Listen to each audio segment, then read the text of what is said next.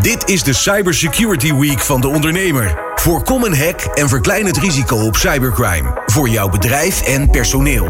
Weet wat de grootste bedreigingen zijn en leer van experts tijdens Cybersecurity Week. Elke werkdag live tussen 12 en 2 op Nieuw Business Radio. Ja, je luistert nog steeds naar de Cyber Security Week. Hier uh, de hele week van 12 tot 2. En wees niet bang, je kunt hem altijd terugkijken als je halverwege toch af moet haken. Of uh, niet de tijd hebt om het nu live allemaal te luisteren. Maar dit tweede uur van maandag hebben wij een heel erg leuk programma nog voor de boeg. Uh, we gaan zo meteen met Daan Keuper. Hij uh, werkt bij Computest en DIVD. Uh, hij is daar Head of uh, Security Research. Um, we gaan met hem uitgebreid hebben over het belang van cybersecurity in het MKB. Dus we gaan je in ieder geval wijsmaken waarom jij je boel ook op orde moet hebben en welke dreigingen er allemaal zijn. Maar we gaan eerst een hackdemo aanschouwen. Die gaat Anne-Jan Brouwer geven. Dit is de Cybersecurity Week van de ondernemer. Voorkom een hack en verklein het risico op cybercrime. Voor jouw bedrijf en je personeel. Weet wat de grootste bedreigingen zijn en leer van experts tijdens de Cybersecurity Week. Elke werkdag live tussen 12 en 2 op Nieuw Business Radio. Met Randal Pelen.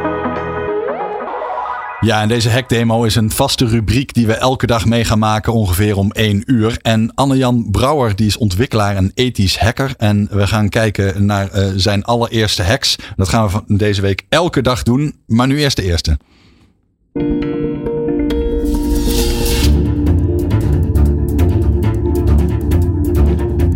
1 op de 5 ondernemers loopt grote risico's op schade door cyberaanvallen. Iedere ondernemer heeft wel één of meerdere websites, applicaties, etc. Maar hoe veilig zijn die nou eigenlijk? Die vraag probeer ik de komende 5 dagen voor jullie te beantwoorden. Ik ben Anne-Jan Brouwer, ontwikkelaar en ethisch hacker.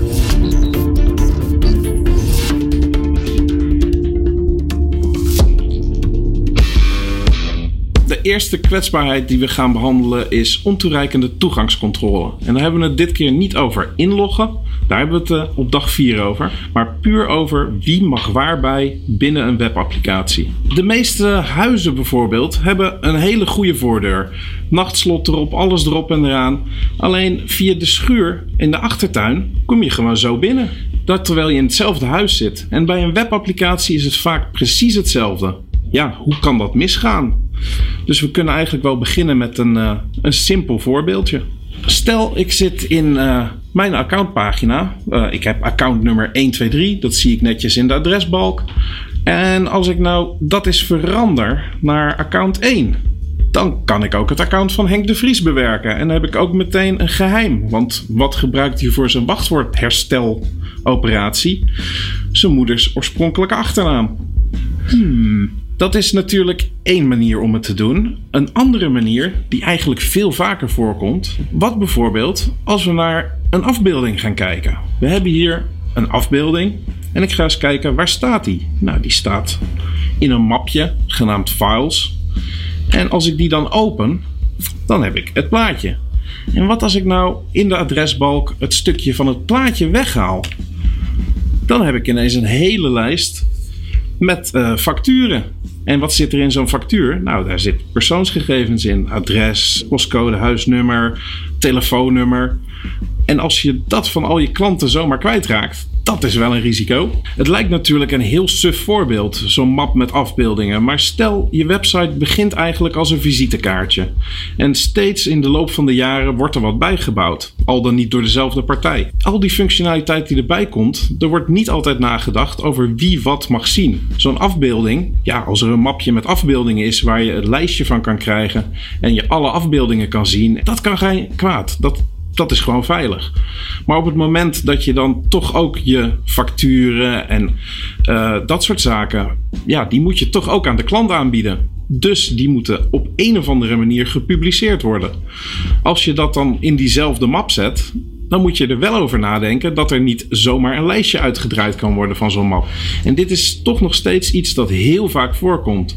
Zelfs ook met clouddiensten. Het is heel makkelijk om daar een stukje cloud CDN eh, neer te zetten, zodat je website lekker vlot is, makkelijk uh, ja, kan schalen tot, tot grote hoeveelheden bezoekers. Alleen je moet wel goed nadenken bij elke stap. Wie mag wat zien? Is dit publieke informatie of is dit informatie die achter een slotje moet?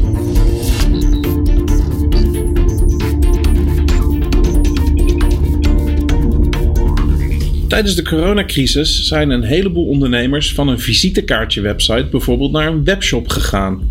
En in sommige gevallen is er dan waarschijnlijk niet heel goed nagedacht over wie heeft waar toegang toe, wie mag waarbij. En mijn tip zou dan zijn om in ieder geval eens met je leverancier te gaan praten. Te gaan kijken of die overwegingen zijn genomen, hoe die zijn genomen. En niet alleen voor de grote bedrijven, maar ook voor de kleine wil ik toch wel aanraden om een keer een ethisch hacker in te huren. Er zijn een heleboel bedrijven die je website voor je kunnen controleren op veiligheidslekken. Eventueel ook periodiek, als bijvoorbeeld je website actief in ontwikkeling is. Oscar Courau, Chief Information Security Officer bij het ministerie van VWS. Je zit nog steeds naast mij. Wat is jouw eerste reactie als je deze hackdemo zo hoort? Ja, dit zijn uh, de, de, de dingetjes waarvan je echt denkt, ja, dat zit onder water. Je ziet het niet dat dit een probleem is. Mm Je kan hier met dit voorbeeld van Anne-Jan, zie je heel duidelijk van ja, uh, laat het inderdaad door een professional even goed naar kijken eigenlijk. Van ja, wat betekent dit nou eigenlijk? Heb ik hier last van? Uh, heb ik iets snel bijgebouwd in de laatste jaren, omdat er uh, noodzaak was. Je moest snel ineens innoveren. Je bedrijf wordt ineens twee keer zo groot. Allemaal van die bijzondere stapjes. Maar heb je dan inderdaad nog even nagedacht over al die andere huistuin- en keukendingetjes, hè, van dit soort huishoudelijke taken? Wie mag nou eigenlijk waarbij? En ja, moet iedereen wel eigenlijk altijd alles zien? Maar we willen meestal niet dat de slager zijn eigen vlees gaat keuren. Is dit echt iets wat je door externe partijen moet laten doen? Want dat lijkt mij nogal een drempel. Nou, ik kan het ook andersom stellen. uh, welke kleinere ondernemingen hebben hackers uh, zelf in dienst?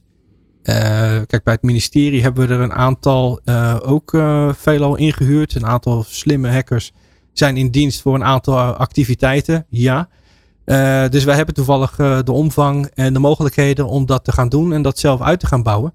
Wanneer je een wat kleinere onderneming hebt en je uh, persoon voor persoon aan het tellen bent, ja, dan is het nogal wat. En dan zou ik zeker zeggen, waarom al die expertise zelf helemaal ontwikkelen, mm -hmm. als je ook inderdaad expertise van buiten naar binnen kan halen. Dat gaat veel sneller.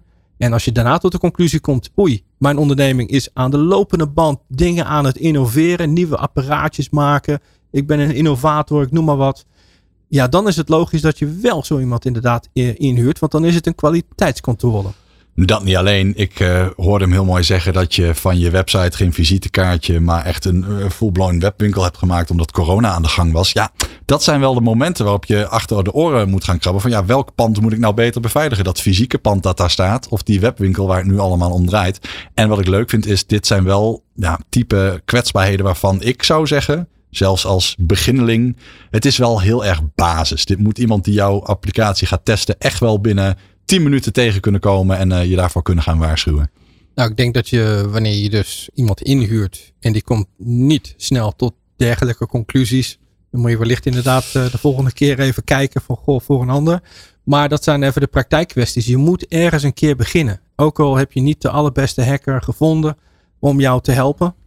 Uh, want daar gaat het uiteindelijk om. Misschien, uh, je moet ergens beginnen met dit soort stapjes. De vraag is inderdaad, wanneer heb je hem voor de laatste keer getest? Als je daarna erachter komt, ja, dat was uh, een jaar of vijf tot tien terug. Ik denk dat er een heleboel veranderd is. Yes. Dankjewel Oscar. We gaan naar Daan toe. De ondernemer presenteert de Cybersecurity Week op Nieuw Business Radio. Ja, ik zei het al, het tweede uur hier op uh, de Cybersecurity Week uh, praten we met Daan Keuper. Hij is Head of Security Research bij Computest. En in plaats van voor klanten te werken, speurt hij met zijn team naar digitale kwetsbaarheden die ons allemaal aangaan. En als je die kwetsbaarheden vindt, Daan, dan uh, heb je kans dat je vanuit je rol bij DIVD, dus de Dutch Institute of Vulnerability Disclosure, men noemt het ook wel eens de vrijwillige digitale brandweer. Misschien spreekt dat meer tot de verbeelding. Uh, dat je die kwetsbaarheden ook gaat melden bij bedrijven in, en instanties. Daan, welkom. Dankjewel. Dank voor je komst naar de studio. Hoe stel jij je voor op verjaardagsfeestjes? Want dit is een hele mond vol. ja, ik, uh, er wordt mij regelmatig gevraagd: wat doe je voor werk? En dan om het simpel te houden zeg ik, ik ben hacker. Maar dan beginnen vaak de vragen pas. Ja, ik wou net zeggen, ben je stoute hacker of brave hacker? Dat, die vraag heb ik één keer gehad. Overdag is hij braaf. die vraag heb ik één keer bij de kapper gehad. Die vroeg, wat doe je voor werk? Toen zei ik, ik ben hacker. En toen legde ik een beetje uit wat ik deed. En haar eerste vraag was, maar waarom doe je dan zo gemeen? Oké, okay. ja, ja, even een stapje terug. Ja, nou. Maar ja, vaak zeg ik wat het, uh, dat ik hacker ben. En dan komen vanzelf de vragen over wat houdt dat dan in en wat doe je. Want dat spreekt natuurlijk toch wel voor tot de verbeelding, dat begrijp ik. Ja, ja. en ik zei net al dat je eigenlijk vooral onderzoek doet. Um, ik kan me voorstellen dat je dat dus veel achter de schermen doet. Ja, ja, de meeste IT-werken zijn natuurlijk vooral, uh, vinden vooral achter de schermen plaats. Ja, dus uh, thuiswerken met corona, dat was, uh, is geen issue voor ons. Mm -hmm. maar ja, we speuren dagdagelijks op naar, naar kwetsbaarheden in systemen waar wij een maatschappelijke relevantie zien. Mm -hmm. ze hebben eerder onderzoek gepubliceerd naar kwetsbaarheden in Zoom. Dat was natuurlijk door de pandemie enorm populair. Um, maar ook de Corona Check app, heel veel OT-software. Um, omdat we daar ook een enorme security behoefte zien. Uh, en ja, we publiceren daar dan over, we spreken met de fabrikanten over en we proberen dan oplossingsrichtingen aan te dragen naar de industrie toe. Ja, gaan we het zo meteen in geur en kleuren over hebben. Ja. Ik wil dit uh, tweede uur van deze dag vooral besteden aan waarom is dit belangrijk voor het MKB. Ja. Uh, maar laten we even bij het begin beginnen. Hoe begon jij je werkzame leven? Want als mijn zoontje tegen mij zegt, papa, ik wil later hacker worden, zou ik niet weten hoe ik hem dat aan moet leren.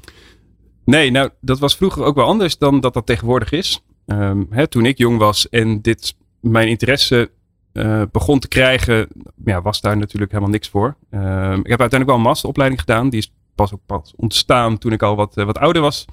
Uh, maar een masteropleiding, ja. wat houdt dat in? Hoe heet dat? Uh, nou, dat heette toen nog de Kerkhoffs Master. Dat was een samenwerkingsverband tussen de Universiteit Nijmegen. Oscar Eindhoven. zit te knikken hier, die ja. is jaloers op jou.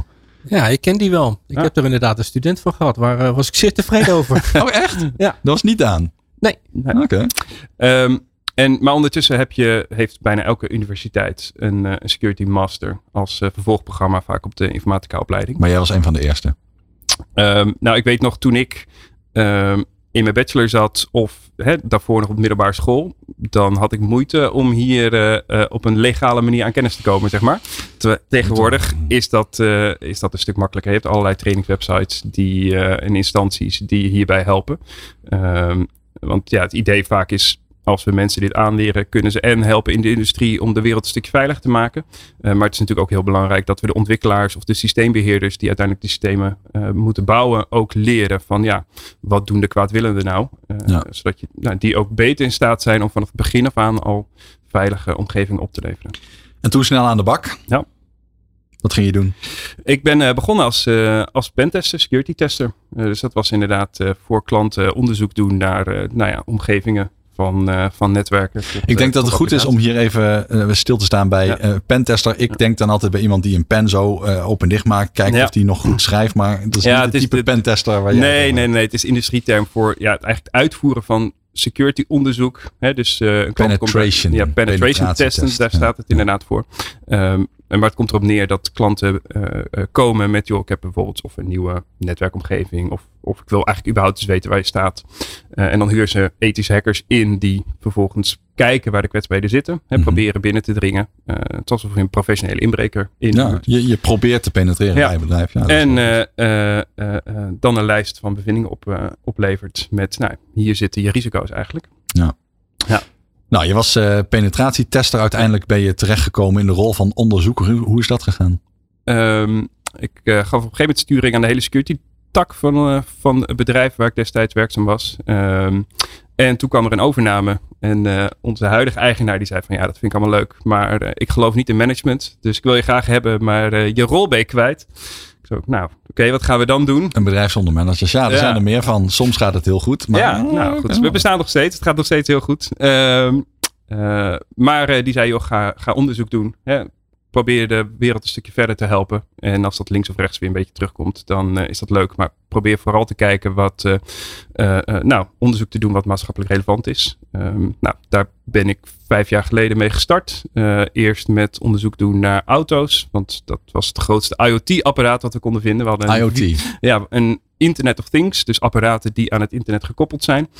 Ehm, en daar hadden we een mening over, een visie over. En nou, het helpt gewoon als je ook onderzoek publiceert dan in die, eh, in die hoedanigheid. Wat is die mening? Want ik weet dat sommige mensen die ontwikkeling eh, heel ingewikkeld vinden.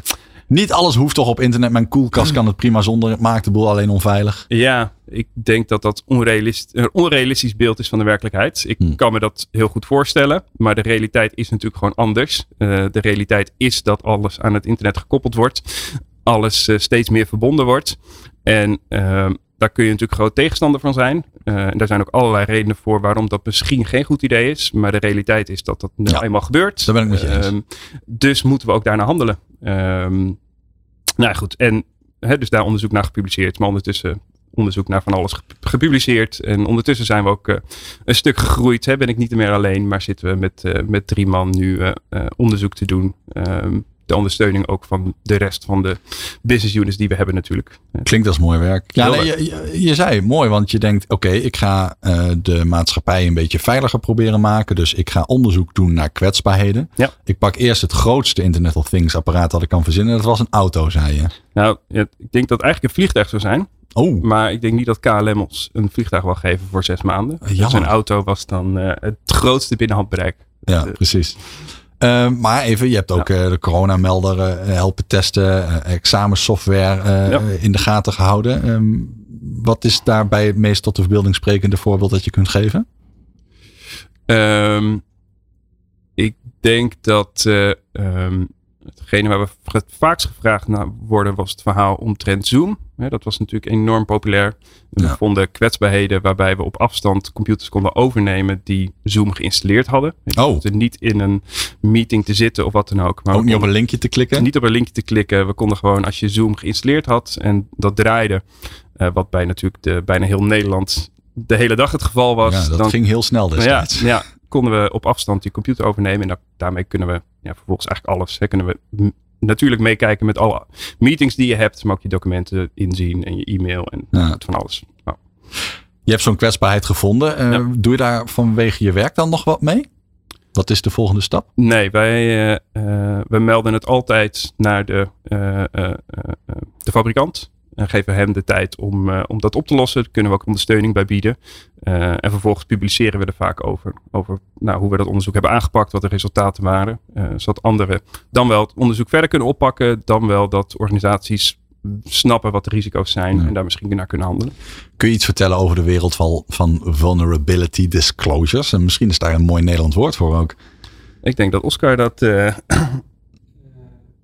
Dat is eh, gecoördineerde onthulling, denk ik. ja, Gecoördineerde, ja, ethische melding, eh, waarschuwingen. eh, Uiteindelijk komt het erop neer dat je eh, inderdaad op een, op een prettige manier, maar hè, dat- het gecoördineerd is een belangrijk eh, thema hier. En dat is, eh, zoals ik net ook het voorbeeld hoor, eh, dat is dat je het wel meldt, je vindt het, je meldt het. En daarna geef je ook de fabrikant, de leverancier, de gelegenheid, de mogelijkheid om het dus inderdaad op te lossen. Ik zeg er wel gelijk bij, moet je dus niet eindeloos over doen. Hè? Er zitten wel wat grenzen aan geduld af en toe. Eh, zeker om, als je weet dat er zo'n gapend gat in zit, ja, dan gaat er misschien een andere persoon inderdaad die ook misschien een keertje vinden. Eh, maar dat het gecoördineerd eh, gebeurt en dat je het vertelt. Hè? Transparantie uiteindelijk. Ja, en over het algemeen, kan me nog herinneren dat eh 10, 15 jaar geleden was dit relatief spannend. Er waren ook onderzoekers die niks wouden delen met fabrikanten in, eh, eh, omdat ze bang waren voor, eh, voor aanklachten. ja, Eh, vandaag de dag is de industrie echt wel een stuk volwassener. En krijg je in ieder geval een bedankje. En in sommige gevallen krijg je nog wat we een bounty noemen. Hè? Een, een geldbedrag ja. ervoor voor je, voor je tijd en moeite. Maar ja, tegenwoordig is dit bij de grote bedrijven echt wel goed, goed geregeld. Ik denk ook dat het voor de luisteraar heel makkelijk is om hier overheen te stappen hoe uh, belangrijk dit wereldje is. Want je stelt je voor, oké, we hadden het net over een hacker, een brave hacker, een stoute hacker. Hm. Maar dit zijn mensen die gewoon goed zijn in hun vak en ook gewoon kwetsbaarheden kunnen vinden. En je kunt ook echt wel voor de verleiding komen staan en denken, hé, hey, wacht even, ik heb een achterdeurtje bij een bank. Holy, wat moet ik hier nou mee? En vervolgens uh, ja, zit je toch uh, op je zolderkamertje te denken, ja, ga ik nou die bank hacken? Of ga ik nou een melding maken zodat die bank zijn uh, spullen op orde kan brengen? En nou ja, jij zit heel duidelijk aan de onderzoekende kant. Jij zou daar ook melding van willen maken. En dat zie je aan als iemand die dat altijd braaf doet. Maar um, hoe is dit spanningsveld? Is, zijn er, is er een dark side en een, een, een, een light side, zoals we dat vanuit de films wel kennen? Zijn er verschillen tussen de brave en de stouterikken? Uh, ja, natuurlijk uh, zijn die er. En het is natuurlijk ook niet, het is ook niet per definitie zwart-wit. Het, is, uh, het is grijs. Ehm, maar ja, goed, ja, ik denk dat ik en de mensen met wie ik me omring, ja, we, we zitten aan de, de ethische kant van het spectrum. Mm -hmm. maar kijk, ja, dit geldt natuurlijk voor, voor alles. Ja, zodra je de winkel inloopt, kun je ook denken, ik ga eens even kijken of ik uh, zonder, hè, die, met het zelfscannen even wat artikel oversla. En de gemiddelde Nederlander zal daar niet, uh, wordt daar niet toe verleid. En dat zie je natuurlijk ook het. Uh, gelukkig hebben de meeste mensen, denk ik, een ethisch kompas die uh, goed genoeg is. Ja, er zit ook natuurlijk een rol bij voor de, voor de ondernemerkant zelf, hè, voor de ontvangende partij. En dat is hoe stel je je op wanneer je zo'n melding goed krijgt? Punt. Heel goed punt. Raak je in de stress? Nou ja, dat hoeft niet. Hè. Iemand komt het je daadwerkelijk vertellen wat er mis is. Ja, maar je gevoel zegt misschien heel snel van... hé, hey, die is oh, eng, wat heb jij nou gedaan? ik ga advocaten bij halen, aanklagen die handel. Ja, en dat is uh, de, de knee-jerk reaction. Hè? De eerste reactie, nou, daar kan ik me iets bij voorstellen. Maar ja, je moet er toch echt wel de digitale variant zien... als iemand vertelt je dat je zojuist je auto nog niet op slot hebt gezet. Ja. De deur staat nog open of je ja. raam staat nog op een kiertje. En dat iemand komt vertellen... hey, wist je dat je raam van je auto nog op een kiertje staat? Dat is niet handig. Nee. En dan zeg je dankjewel. Dan zeg je dankjewel. Ja. En dan ga je naar de auto en dan doe je je raam dicht. Mm -hmm. Even in de metafoor stap. Je doet de raam ook dicht, hoop ik. Want mm -hmm. je kan ook zeggen, ja, laat maar gaan. Ik wil het laten doortochten. Oké, okay, jouw keus. Maar dan heb je er bewust voor gekozen. Ja. Daar ben je, moet, je, moet je wel inderdaad terug naar zoeken. Hè? Hoe ga je er als bedrijf over, over, ja, over nadenken? Dat kan je nu al. Hoe ga je reageren? En dat kan heel relaxed. En er zijn inderdaad partijen die geven t-shirts uit, de anderen die geven bounties. Er zijn allerlei variaties mogelijk. Maar op zijn minst, dankjewel voor de melding. Dat lijkt me wel op zijn plek. Ja, en er zijn gelukkig een heleboel bedrijven die daar ook echt een uh, beleid voor hebben. En dat staat ook vaak wel op de website gepubliceerd. Daan, kun jij iets vertellen over dat, uh, wat ik net gekscherend de uh, digitale vrijwillige brandweer noemde? De DVD, ja. Um, nou, vanuit Computest doen we met nou, doen we onderzoek naar, uh, uh, naar nieuwe kwetsbaarheden. En um, uh, we hebben een aantal jaar geleden onderzoek gedaan naar gebouwautomatisering. Waarbij we stuiten op een systeem wat veel gebruikt wordt in kantooromgevingen, kantoorpanden. Om nou, bijvoorbeeld de klimaatbeheersing te automatiseren. Ja. Maar ook de lampen, de, maar in sommige gevallen ook de deursloten en de alarminstallatie. Oké. Okay. Waarbij we stuiten op nou, dat het vaak op een onveilige manier wordt aangelegd. Um, dat ging toen om 20.000 uh, gebouwen wereldwijd. Oké. Okay. Um, niet allemaal in Nederland? Niet allemaal in Nederland, maar uh, uh, ook een, een, relatief groot aantal in Nederland. Um, en nou goed, we hebben geprobeerd dat, dat aantal naar beneden te brengen. Hè, we hebben geprobeerd de, de, de media op te zoeken om uiteindelijk gebouweigenaar hiervan op de hoogte te stellen. Van joh, heb je dit systeem in je, in je kantoorpand zitten of in je woning? Misschien uh, moet je even aan je installateur vragen of je hier kwetsbaar voor bent. Uh, maar het, ook... het, lag aan de manier waarop het is aangelegd. Dus je kunt niet de fabrikant bellen en zeggen: hey, maak een update en klaar. Nee, nou ja, het was ingewikkeld, uh, ingewikkeld iets, maar er de, de, was een stichting die maakte het protocol. Dat protocol was onveilig. Dan zijn er installateurs die dat aanleggen ja. en dat protocol dan naar buiten toe openstellen. Ehm, ja, dus het, het, het, het, was niet, het was niet één druk nou, op de knop nee, en update nee, en nee, klaar. Het is een soort ketenverantwoordelijkheid waarbij je eigenlijk vindt dat de stichting wat moet doen. Uh, ja. Maar goed, dat, dat duurt lang. En, nou goed, uiteindelijk hebben we ervoor gekozen, we gaan eerst, we gaan, we gaan ook inzetten op de installateurs. Hè. We gaan die waarschuwen en uh, misschien kijken of we met de brancheorganisaties daar wat training kunnen geven. Uh, maar we gaan ook nu proactief proberen de eindgebruikers te waarschuwen. Um, en nou, dus we hebben de media opgezocht zag je wel dat het aantal iets naar beneden ging, maar natuurlijk uh, uh, nog niet genoeg. dus dan hebben we uiteindelijk hebben we contact gezocht met DVD, want DVD doet dit dagdagelijks. Hè. Het is in dat soort, soort internetbrandweer. Ze zijn op, continu aan het internet op, aan het scannen op zoek naar laaghangend fruit. Ook omdat aanvallers vooral laaghangend fruit gebruiken. En vervolgens gaan ze notificaties uitsturen van joh, we zien dat je dit systeem aan het internet hebt hangen wat kwetsbaar is. Misschien wil je, hè, dit zijn adviezen om het op te lossen. Maar dat vind ik heel mooi, want dit zijn vrijwilligers die stuk voor stuk blijkbaar uh, wellicht in staat zouden kunnen zijn daar ook uh, narigheid mee uit te halen. Dit dus voor kiezen Zeker. om dat bewust uh, ja, ten, ten goede te, ja. te gebruiken. Ja, ja zeker. Uh, dus we hebben contact met hun gezocht van joh, ja, we zijn met z'n drieën. We hebben niet de capaciteit om uh, al deze mensen aan te schrijven en uh, te assisteren. maar zij hebben natuurlijk die capaciteit wel. Ja. dus wij hebben het onderzoek gedaan. Zij hebben alle notificaties uitgestuurd en, en afgehandeld. en ik denk dat zo'n hele mooie samenwerking is ontstaan. En nou, misschien dat we in de toekomst vaker met ze werken op die manier. Ja. Ehm, waarbij zij uh, nou, kunnen hoop, hopelijk de mensen, de eindgebruikers kunnen bereiken om, om het de wereld een stukje veiliger te maken. Nou, ik zou bijna willen zeggen bedankt voor je werk. Want dit is uh, iets wat niet iedereen zou kunnen doen, maar al helemaal niet zou willen doen misschien. Het klinkt als een boel gedoe. um, Laten we even de hamvraag van deze middag beetpakken. Het MKB uh, blijkt kwetsbaar, want je kunt een uh, klimaatbeheersingssysteem hebben dat, uh, dat lek is en dat ook nog eens zorgt voor dat de voordeur open gaat. Waarom is cybersecurity belangrijk voor het MKB? Nou, ik denk dat er een aantal redenen zijn. Um, wat we vaak bijvoorbeeld nog horen is, joh, ik ben als organisatie niet interessant, als kleine organisatie. Ja. En dat is misschien ook zo. Maar uh, het probleem is dat het op internet weinig uitmaakt. Um, je hebt natuurlijk ja, je hebt allerlei criminele organisaties die zich hiermee bezighouden. De een is wat georganiseerder dan de andere. Um, maar er zijn heel wat organisaties en die zijn gewoon, hè, zijn gewoon aan het sleepnetten. Die, uh, die, die zijn op zoek naar laaghangend fruit. En die uh, uh, kijken gewoon op het internet welk systeem ze kunnen, ze kunnen raken. We hebben het al over die scans gehad. En ja. gewoon heel internet afscannen om te zien ja. of er poortjes, deurtjes openstaan. En uh, ze gaan gewoon proberen. En als het lukt om bij jouw organisatie binnen te komen, dan, uh, ja, dan gaan ze proberen daar losgeld voor te vragen. En ja, je bent gewoon één van de velen. Uh, het is wat dat betreft is, is cybercriminaliteit echt iets anders dan, dan bijvoorbeeld fysieke inbraak, waar we het natuurlijk vaak mee vergelijken. Um, ja, bij fysieke inbraak, er zijn maar zoveel inbraken die je kan plegen op een dag als, uh, als crimineel, zeg maar. Terwijl op internet, ja, dat, dat, vanwege automatisering is dat niet meer zo. En, gelijk schaalbaar. Het is gelijk ja. schaalbaar. Ja, ja. En als organisatie heb je wel directe lasten.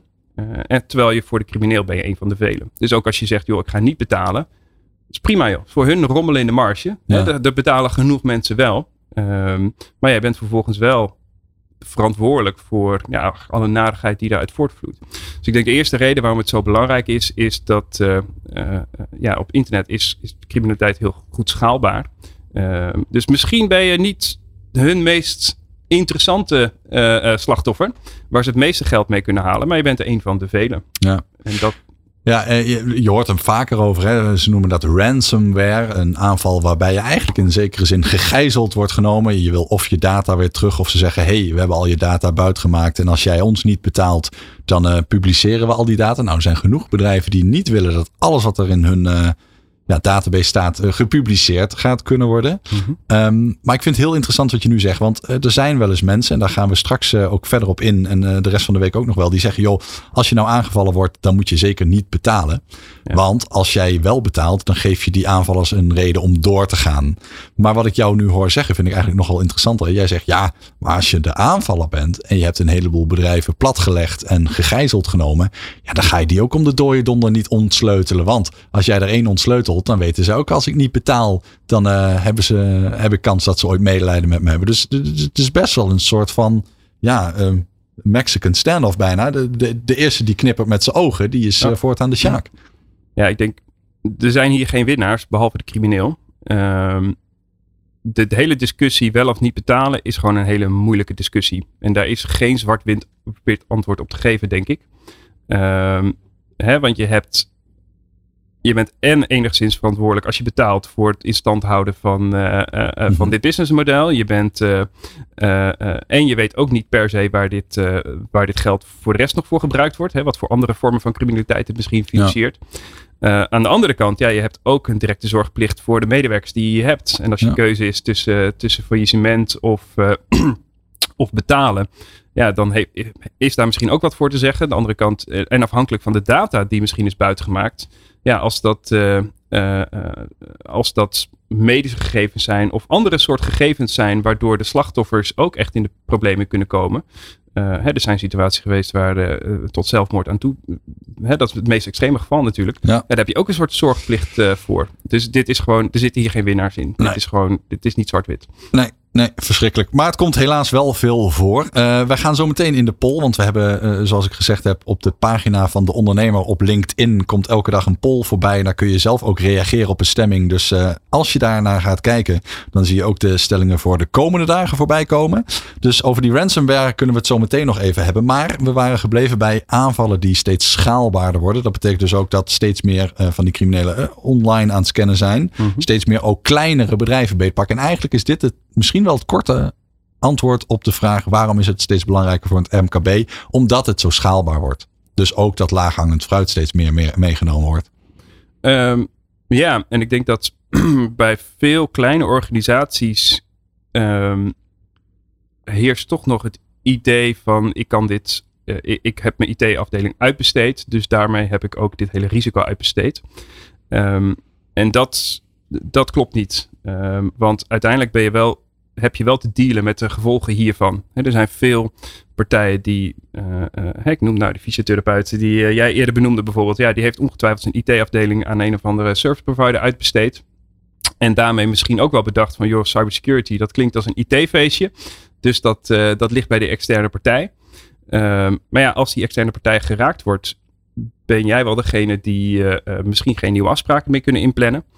Um, dus uiteindelijk komt security, cybersecurity gewoon neer op risicobeheersing. En het is gewoon een bedrijfsrisico, net als brandbeveiliging, fysieke inbraak, uh, maar ook nou, hoogziekteverzuim, ik noem maar iets. Het is een risico voor de, je bedrijfscontinuïteit. En dat betekent ook dat je daar als ondernemer over na moet denken. Van hoe groot ja. is dat risico voor mij? En wat zou ik daarmee, uh, uh, ja, moet ik daar maatregelen in nemen? En sommige van die maatregelen kun je uitbesteden aan je IT-leverancier. Mhm. Mm -hmm. Bijvoorbeeld verwachten dat diegene goede backups regelt. Maar niet allemaal. En je kunt het nadenken erover. Daar kun je hulp bij gebruiken, maar dat zul je toch ergens echt wel zelf moeten doen. Nee, ik zag uh, Oscar net heel diep fronzen toen je het had over je risico's uitbesteden. Ja, nee, dit is wel, wel heel, heel, Kijk, die komt vaker voor qua gedachte. Van, ja, het is inderdaad de IT-club. Hij zei het net ook perfect.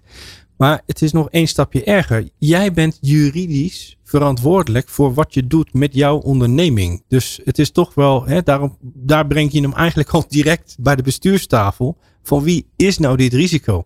Ja, dat is degene die geregistreerd staan in de KVK bij de registratie van jouw onderneming. Die mensen, die zijn ervan. Ja, maar Oscar, daar heb ik een bedrijfsaansprakelijkheidsverzekering voor. Kom op. Nou, je, je zit, ik weet niet of je gedachten aan het lezen bent, maar dat gaat wel de goede kant uit.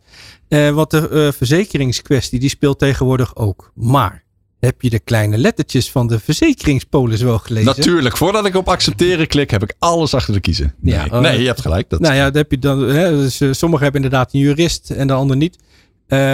maar in de kleine lettertjes staat, heb je wel inderdaad je gehouden aan toevallig die basisstukjes die ik net genoemd heb. Heb je wel de beveiliging een paar standjes omhoog geschroefd? Heb je die laatste updates gedaan? Heb je dat niet? Oh, nou, dan geldt het toeval. Als we erachter komen, het is op deze plek. Uh, is men uh, geïnfiltreerd in die organisatie van jou. En dat is toevallig een zwak systeem. Je wist ervan en je hebt het willens en wetens laten zitten. Dan kun je ineens geen aanspraak doen op de verzekeringspolis. Dat is interessant. Dus dan denk je, ik heb, hem, uh, heb mijn risico uh, verzekerd. En dan kun je er geen aanspraak op doen. En dat is een beetje hetzelfde als alle andere verzekeringen. In de kleine lettertjes staat onder welke voorwaarden je daar aanspraak voor, kan doen. En voor de digitale verzekeringen staat wat voor digitale maatregelen had je moeten nemen. Om daarna te kunnen zeggen, oké, maar het is toch die crimineel gelukt. Jammer de bammer.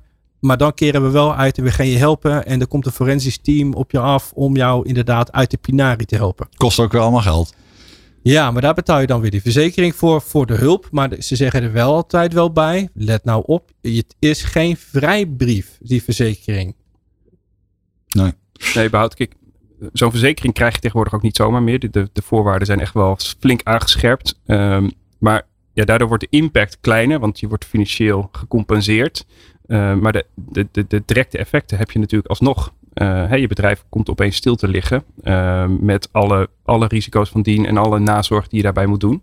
Ja, en imago-schade. Imago ik zou als, nou, als, als mijn leverancier op die manier gehackt wordt, denk nou, is dit de meest veilige leverancier? Je kunt denken, ja, deze ezel stoot zich niet twee keer aan dezelfde steen. Hoewel ik dan weer het slachtoffer de schuld geef. Dat doe ik ook liever niet. Maar, uh, maar je zou ook kunnen denken van ja, ja, shit, ik ga er eentje zoeken die nog nooit gehackt is. Ja, maar dat, die gedachtegang die kan ik natuurlijk volgen. Uh, maar dat zorgt er ook wel voor dat er minder transparantie is in de markt. Hmm. Uh, er zijn maar weinig partijen die openlijk vertellen over een incident wat ze ja, hebben meegemaakt. Wat, wat, juist ervoor zorgt dat we elkaar beter kunnen, dat we onszelf beter kunnen wapenen. Omdat je van elkaar kunt leren. Er is een taboe op bijna. Er is, er heerst een taboe op. Terwijl mijn inziens, ja, kijk, op het moment dat er fysiek wordt ingebroken in een pand en al je systemen worden gestolen, dan uh, vindt iedereen het heel vervelend ja, voor je. Kan en, gebeuren. En, maar ze denkt iedereen, ja, kan gebeuren. Als ik een baksteen uh, door een ruit gooi, dan kom ik binnen. Ja, dat, uh, ja, heel vervelend. Terwijl digitaal is het natuurlijk een beetje hetzelfde. Het kan gebeuren, ook al heb je passende maatregelen genomen. maar daar heerst een taboe op. er is natuurlijk nu ook best wel wat wet en regelgeving. Je hebt natuurlijk de AVG, maar je hebt ook de, de NIS 2 die eraan komt. dus er zijn ook wat, wat, wat wetgevingen waar je als bedrijf aan moet voldoen met, uh, met boeteclausules.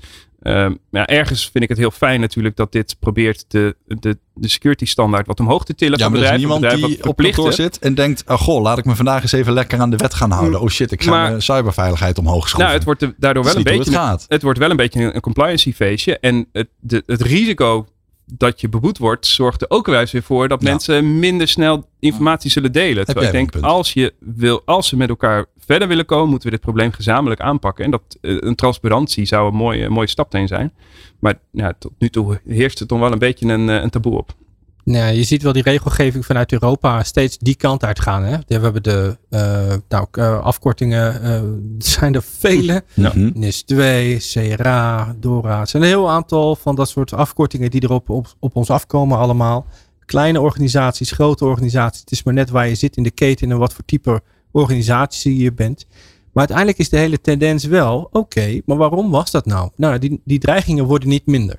De criminelen, maar ook andere landen vinden het interessant om via digitale uiteindelijk geld te verdienen of ergens binnen te dringen en dingen te doen. Dus daar uiteindelijk is het op, om te doen, om ons weerbaarder te maken. Nou, dan ja, eh, toch inderdaad wel een manier om dat te doen vanuit Europa is dan om de re- regelgeving strenger te maken. Dat we verplicht dingen moeten melden. Die transparantie wordt via die route wel wat geforceerd. Maar ik denk dat het inderdaad wel gaat helpen om eh, eh, die discussie los te maken. Omdat we allemaal in hetzelfde schuitje gaan zitten. We hebben nu al met z'n allen te maken met diezelfde eh, risico's. Maar we hebben straks ook te maken met. Maar hoe gaan we dat dan veilig maken dan? Ik hoop dat daar de discussie eerder over gaat. Dan, oh jee, er komt heel veel regelgeving op ons af. Want als je de regelgeving heel goed leest. Dan staat er eigenlijk al die basismaatregelen waar we het net over Hmm. gehad hebben. Daar, daar, daar gaat het over. Het zijn de basics eigenlijk. die Dat is wat worden. cybersecurity is, hebben we net geconcludeerd. Ja. Maar Daan, even Ja. terug, want eh, jij doet onderzoek naar kwetsbaarheden. Dus jij mag eh, in ge- hoge mate je gang gaan als je zelf verzint waar, waar kan ik de maatschappij het best mee op eh, weg helpen. Mhm. Tegelijk hebben we net gevraagd, joh, waarom is dit nou belangrijk voor het MKB? En nou, een van die dingen is, het wordt eh, ja, op steeds grotere schaal, eh, steeds eh, schaalbaarder uitgevoerd door die hackers. Maar we hebben ook gezegd, joh, als je die basis nou beter op orde hebt dan de buurman, dan ben jij niet meer per se dat laaghangend fruit. Is dat niet gewoon eigenlijk alles wat je hoeft te doen? Zorgen dat je iets minder makkelijk te hacken bent dan een ander bedrijf in de straat? Ik denk dat, kijk, die basisveiligheid omhoog brengen, dat, dat helpt je natuurlijk een heel, een heel groot stuk. Ehm, dat zorgt echt voor dat nou, 95, 90, 90% van de aanvallen bij jou aan de deur voorbij gaan.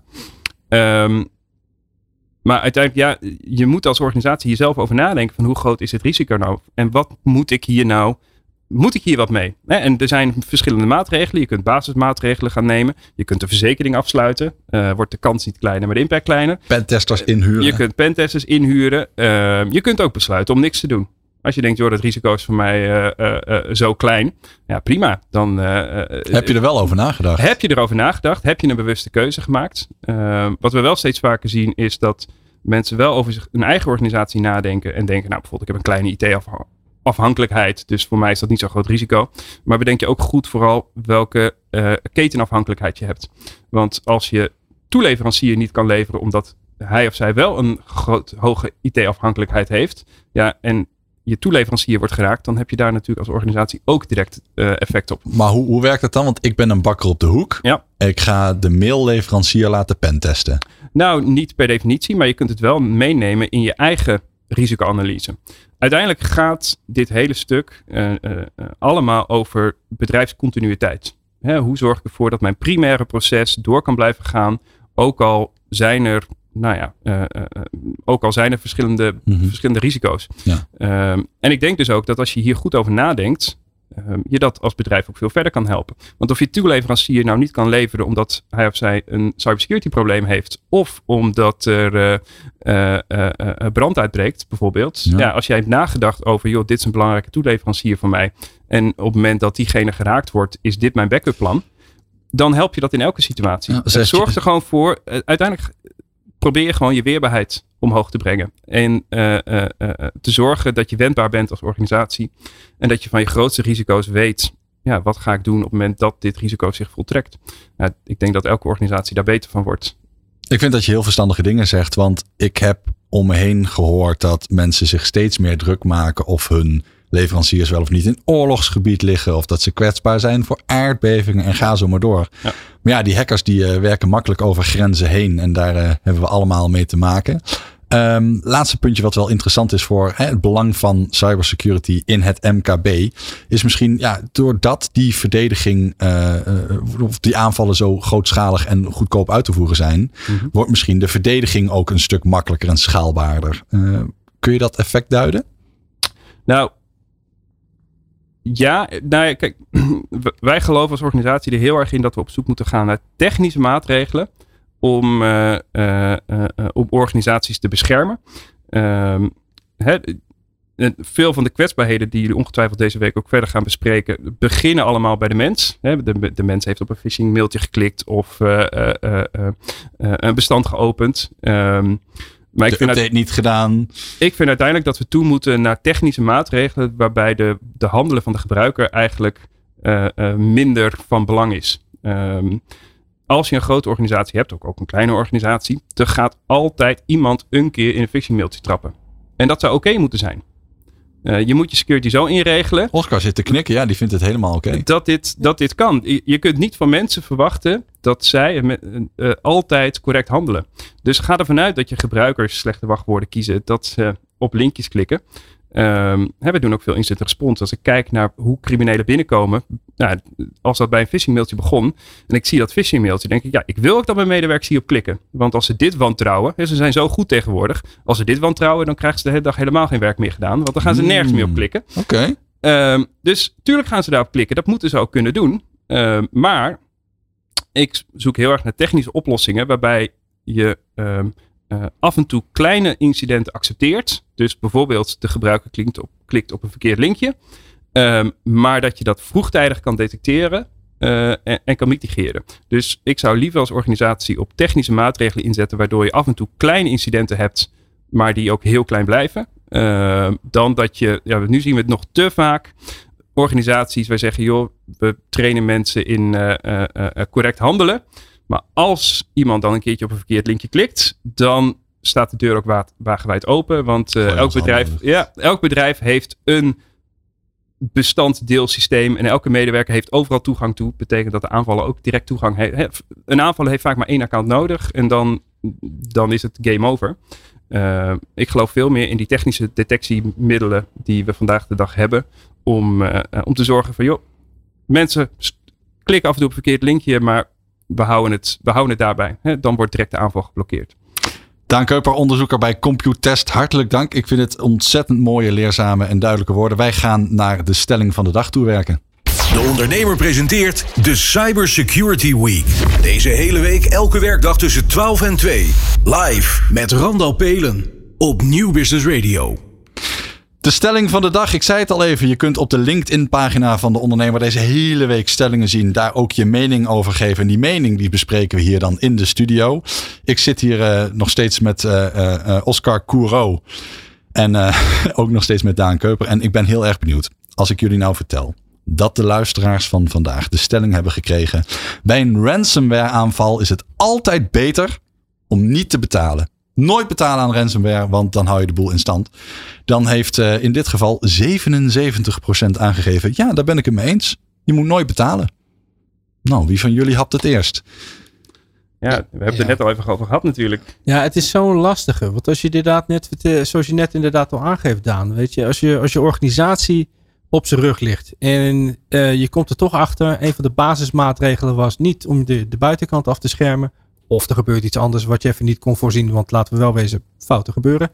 Uh, of je, en daarnaast je andere verzekeringspolis intern is je backup doet het niet. Of net niet dat ene systeem wat geraakt is. Ja, wat doe je dan? Ja. Gaan we allemaal naar huis? Uh, pakken we inderdaad de laatste centen die we nog fysiek hebben liggen in de kas op en, en houdt het hier op? Nou, driekwart van de luisteraars, de ondernemers van Nederland, zeggen in ieder geval onder geen enkele voorwaarde betalen.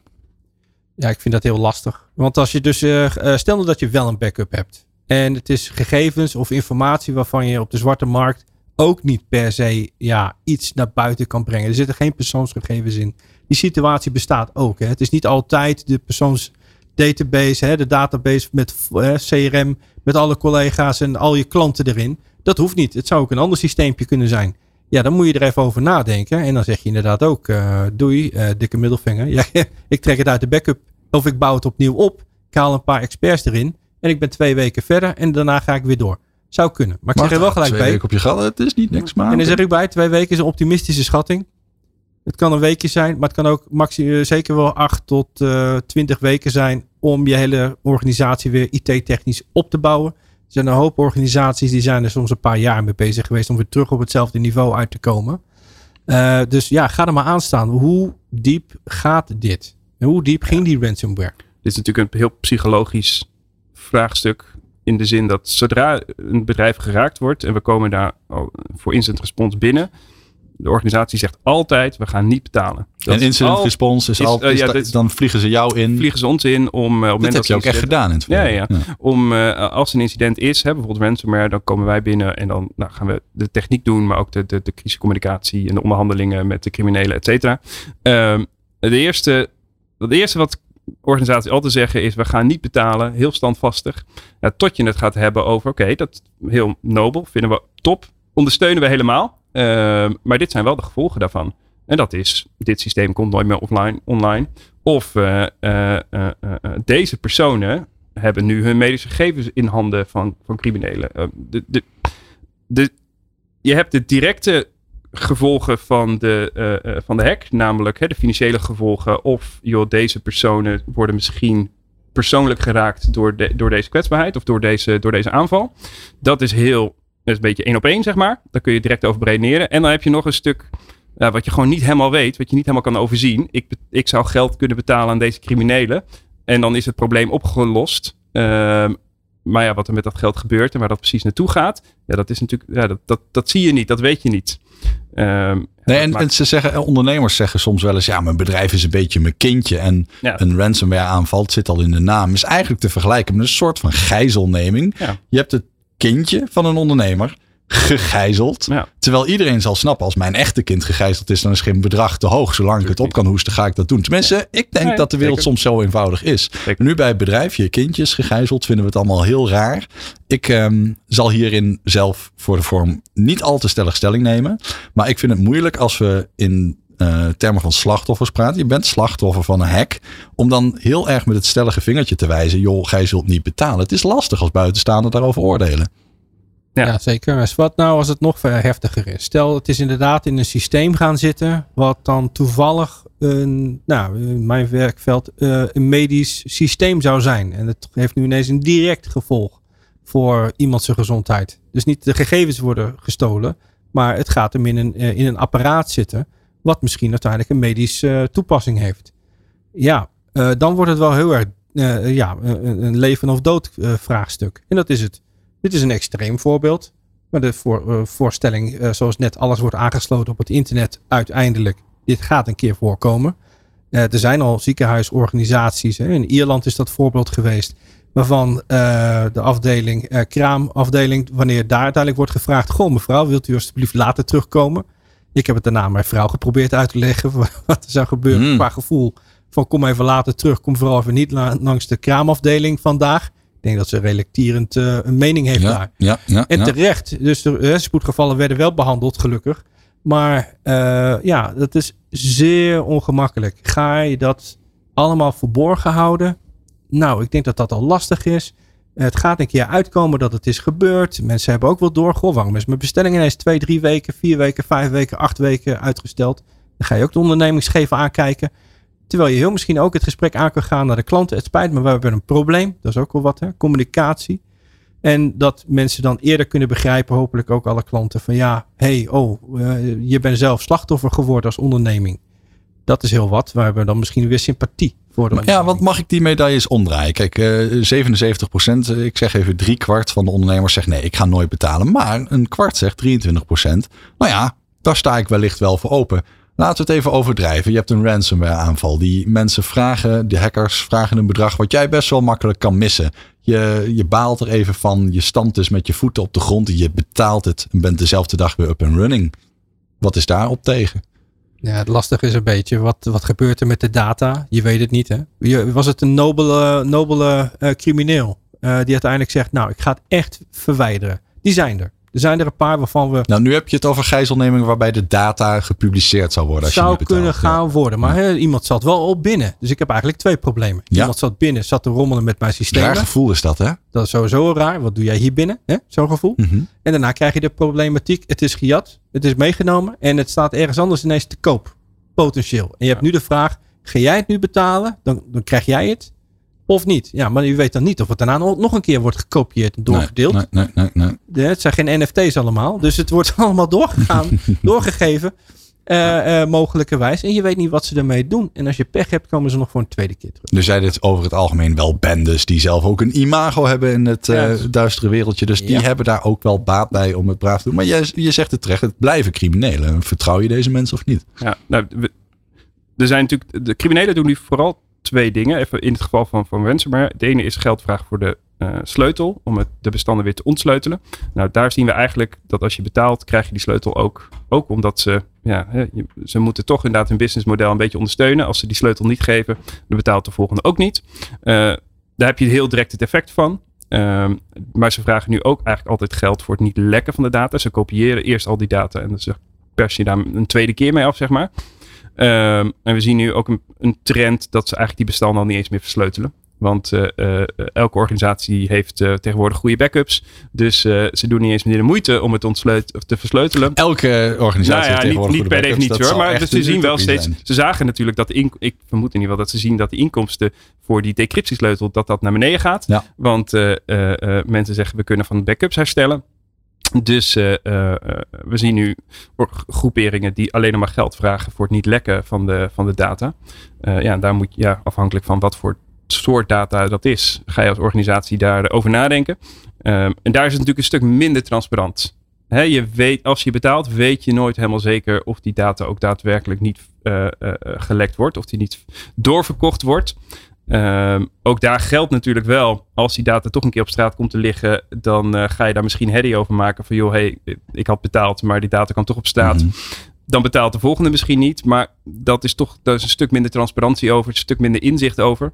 Uh, ja, daar is een stuk minder zekerheid natuurlijk voor als jij als ondernemer, als je daar betaalt, dat, dat, uh, dat het niet gebeurt. We zien wel veel organisaties die gewoon betalen om met blauwe ogen te kunnen zeggen, we hebben er alles aan gedaan. Ja. Het is toch een stukje. Nou ja, en we hebben het net over een situatie waarin je gewoon gaat betalen om er maar vanaf te zijn. Een situatie waarin je je poot stijf houdt en dat zeker niet gaat doen met alle gevolgen van dien. Er zijn natuurlijk ook tussenvormen waarbij je zegt, nou ja, ik zou wel willen betalen, maar de bedrag is me te hoog. En dat je echt in onderhandeling gaat met die aanvallers. Ja. Maar daar hebben we de rest van deze Cybersecurity Week voor. Want daar gaan we nog in geur en kleuren over praten. Uh, Daan Keuper, hartelijk dank. Ja. Oscar Koer ook. Ook bedankt voor je wijze woorden en je komst naar de studio. Wij uh, zijn de Cybersecurity Week. Je hoort ons elke dag van 12 tot 2. En als je nou vragen hebt naar aanleiding van deze aflevering, ga je naar higherlevel.nl slash cyber-security-week. En uh, we zien je morgen weer. Alles weten over cybersecurity in het bedrijfsleven? Voorkom het risico op cybercrime voor jouw bedrijf en je personeel. Weet wat de grootste bedreigingen zijn en leer van experts tijdens Cybersecurity Week van de ondernemer. Deze week elke dag live tussen 12 en 2 uur op de ondernemer en New Business Radio.